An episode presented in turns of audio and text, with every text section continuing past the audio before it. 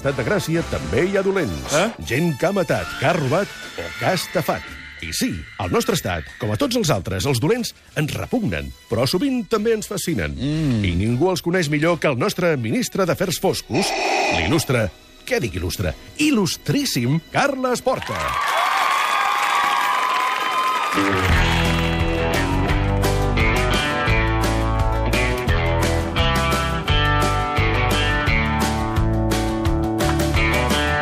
Passar la frontera al maleter d'un Mercedes verd i atrotinat. Històries de mitja tarda, ja ho sabeu, amb el Carles Porta. Com estàs, Carles? Bé, a la Ens seva vam- disposició. Doncs- A veure si resolem coses. Sí, mira, és que eh, tinc moltes ganes de saber coses, perquè ja ho sabeu que la setmana passada ens vam quedar amb el capítol 7 del cas de la Guàrdia Urbana, amb les declaracions, per una banda, de la Rosa i per l'altra banda de l'Albert, que més oposades no podien ser. I tenim molts dubtes i tenim ganes de tenir certeses que segurament no tindrem, però ho intentarem. Va!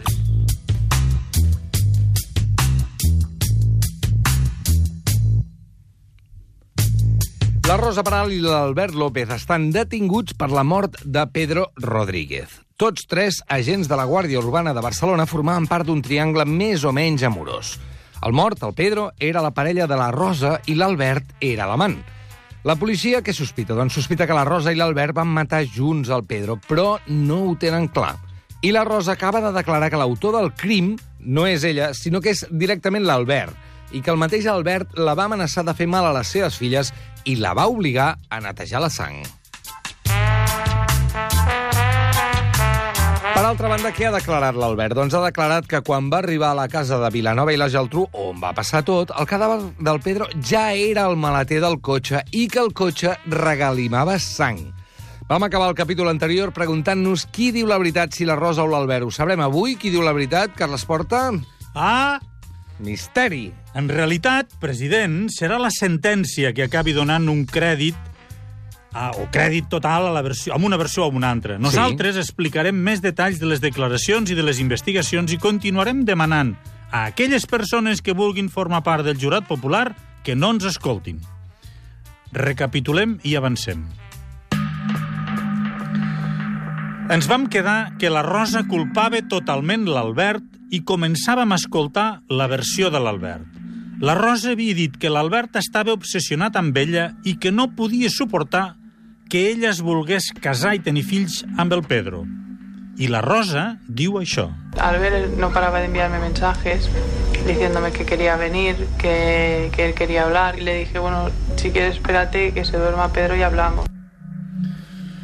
Però l'Albert diu una cosa molt diferent. ¿Las Ella me llama sobre las 8, pero Vale. yo le digo, bueno, ahora ceno y luego si quieres me paso. Y hablamos. Dice, sí, sí, ahora no, ahora no, que está muy nervioso. Que està muy nervioso. Està muy Qui? nervioso. Pedro. Pedro.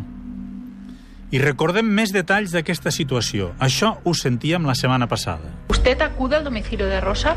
Sí, ella había discutido con su pareja, con Pedro, y estaba muy nerviosa llorando que si podía ir, por favor, sobre la una, cuando acabo de cenar, me, me dice, mira, vente ahora que se ha dormido. Digo, vale, pues voy.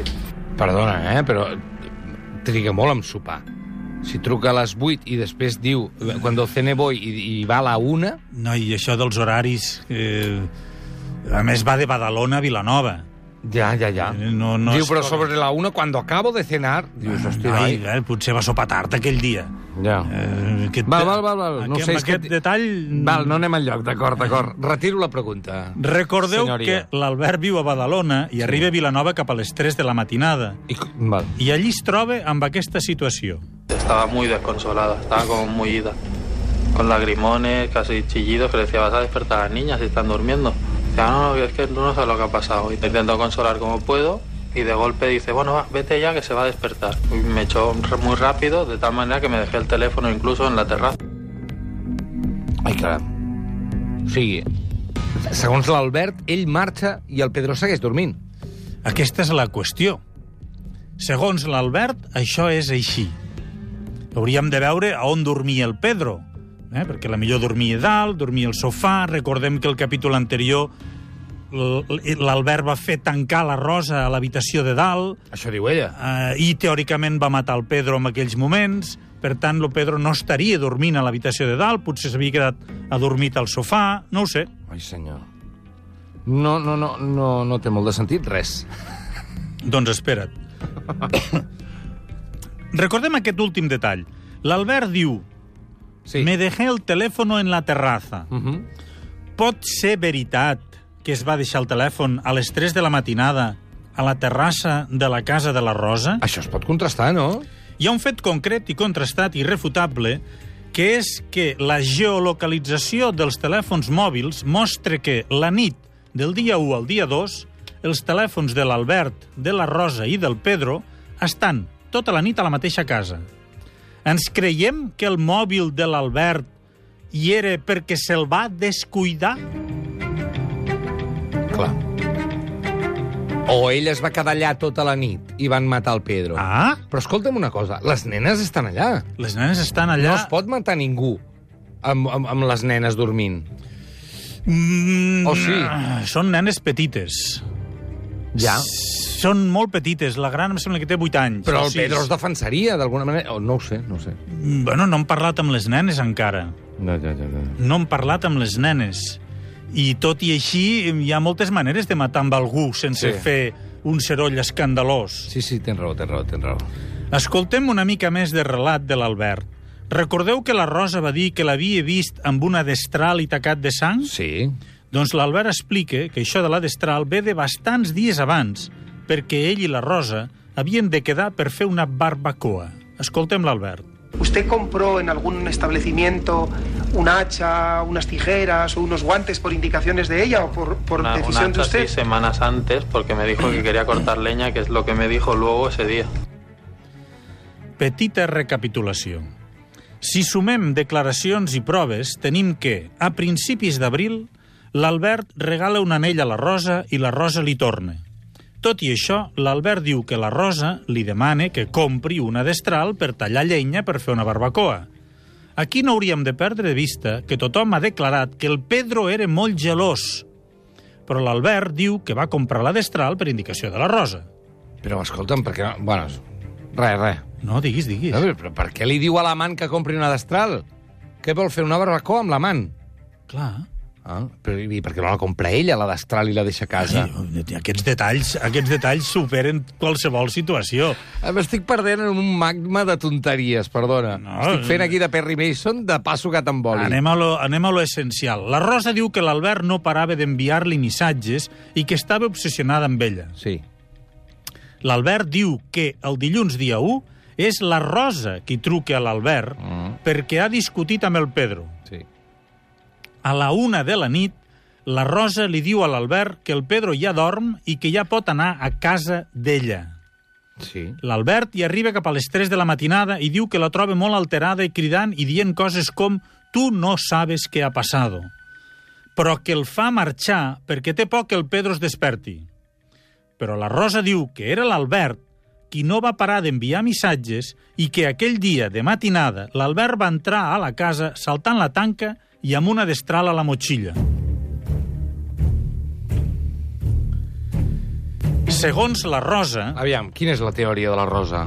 L'Albert va matar el Pedro la nit de l'1 al 2 i la va amenaçar i li va fer netejar la sang. Però això no té sentit, perquè si ella diu que el veu am, eh, entrar amb una destral i es tanca, com l'Albert ha d'entrar a la casa per un altre lloc i matar el Pedro? Però a millor el Pedro estava dormint al sofà. O a la millor el Pedro va sortir al garatge a rebre'l i l'altre el- li va donar un cop de destral i el va matar. Però això ho hauria d'explicar la Rosa. La Rosa no ho va veure, ella diu que estava tancada a l'habitació. Però hauria d'haver sentit alguna cosa. Cops, diu que va sentir cops, que va sentir molts cops. Ja, ja, ja, ja. D'acord. Ella no diu mai que presenciés el crim. Uh -huh. Diu que estava tancada a l'habitació. Va sentir cops, però no va sentir crits. no va sentir crits. Com a mínim no ho diu aquella vegada. eh? No sé, ja ho veurem. A la millor ara recorda, encara, encara s'ha de jutjar això, a la millor davant del jutge o del tribunal recorda que va sentir crits. Uh -huh. Ja ho veurem. Ella diu que quan va baixar ja va veure l'Albert amb una destral a la mà i tacat de sang. Uh -huh. Per la seva part, l'Albert diu que la nit del dia 1 va marxar oblidant-se el mòbil Sí. i va tornar a casa de la Rosa la tarda del dia 2 a fer la barbacoa compromesa. I perquè la Rosa li havia dit que el Pedro havia marxat de casa després de la discussió. Cuando usted llega a casa de Rosa, ¿Qué hace? Me dice, ¿puedes cortar leña y tal? Que quiero hacer una barbacoa. Eh, Voy cortando, corté muchos trozos. Me baja al final un trozo de pollo y tal. Y digo, pero no íbamos a hacer barbacoa. Le he dicho que no a mis amigos para venir aquí. Y dice, es que llorando, muy ida. Y me dice, ven un momento. Y ve- vi que tenía el coche de Pedro allí dentro. Y me abrió el maletero y tenía el cuerpo dentro. ¿Vio usted el cuerpo? Bien no, porque me da mucho asco. Miré así un poco y dije, cierra, ¿qué, qué coño has hecho? Què coño has hecho?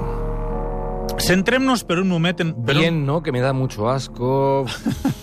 és molt justet, aquest punt, eh? un... Centrem-nos per un moment en la destral. Jo el primer que faria és dir, però bueno, però... i mirar-ho fixament. Això tu. Hosti, però... Bueno, no ho sé. Val? Jo, sí. Això tu. Ja, El, el, aquest senyor diu això. La reacció normal és mirar-s'ho, home. I això de les reaccions normals. Tu, tu has vist alguna cosa normal en aquest cas? De no, moment? de moment no. Doncs continuem. Centrem-nos. Uh, donen voltes a la barbacoa i la destral. Sí. eh, en funció de les declaracions. L'Albert diu que la Rosa li va fer comprar una destral setmanes abans. La Rosa diu que l'Albert va saltar la tanca amb una motxilla i una destral a dins. Va dir un palo que sobresalia. Sí, senyor. La Rosa també diu que l'Albert tenia una destral tacada de sang a la mà i l'Albert diu que ell va tallar llenya amb la destral per fer una barbacoa. En aquest moment de la investigació encara no sabem com van matar el Pedro, però tot gira al voltant de la destral. Escolteu què li preguntaven a l'Albert sobre la destral i no us perdeu la seva resposta. ¿Usted cree posible, por la complexión que ella tiene y demás, que ella fuera capaz de empuñar un hacha y, y llegar a, a matar a esa persona siendo mucho más fuerte ella Hombre, que ella? ella floja no es, ¿eh? Floja no Si es. te pilla desprevenido, yo he hecho tres Spartan Race y ya le digo que no se me quedaba atrás, ¿eh?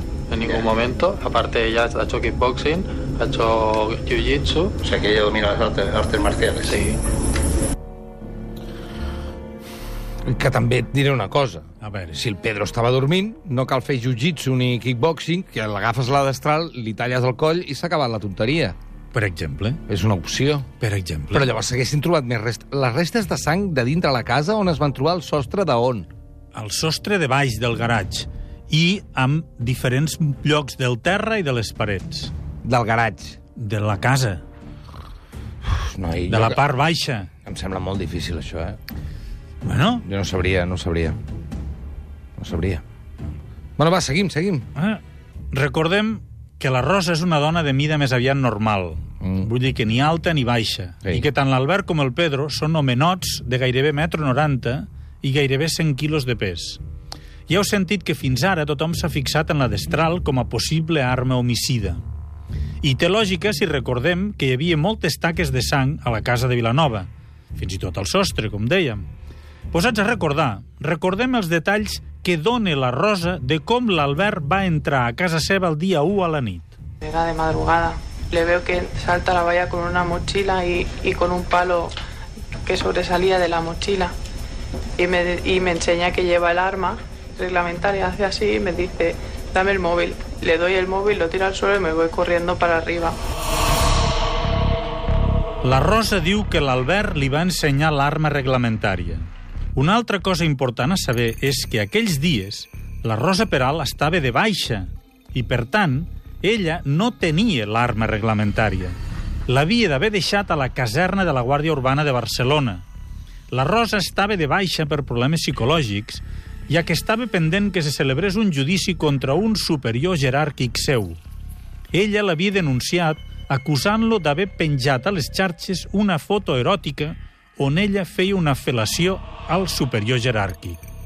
Sembla clar que la Rosa no ha tingut sort amb els homes de la seva vida. Deixem-ho així.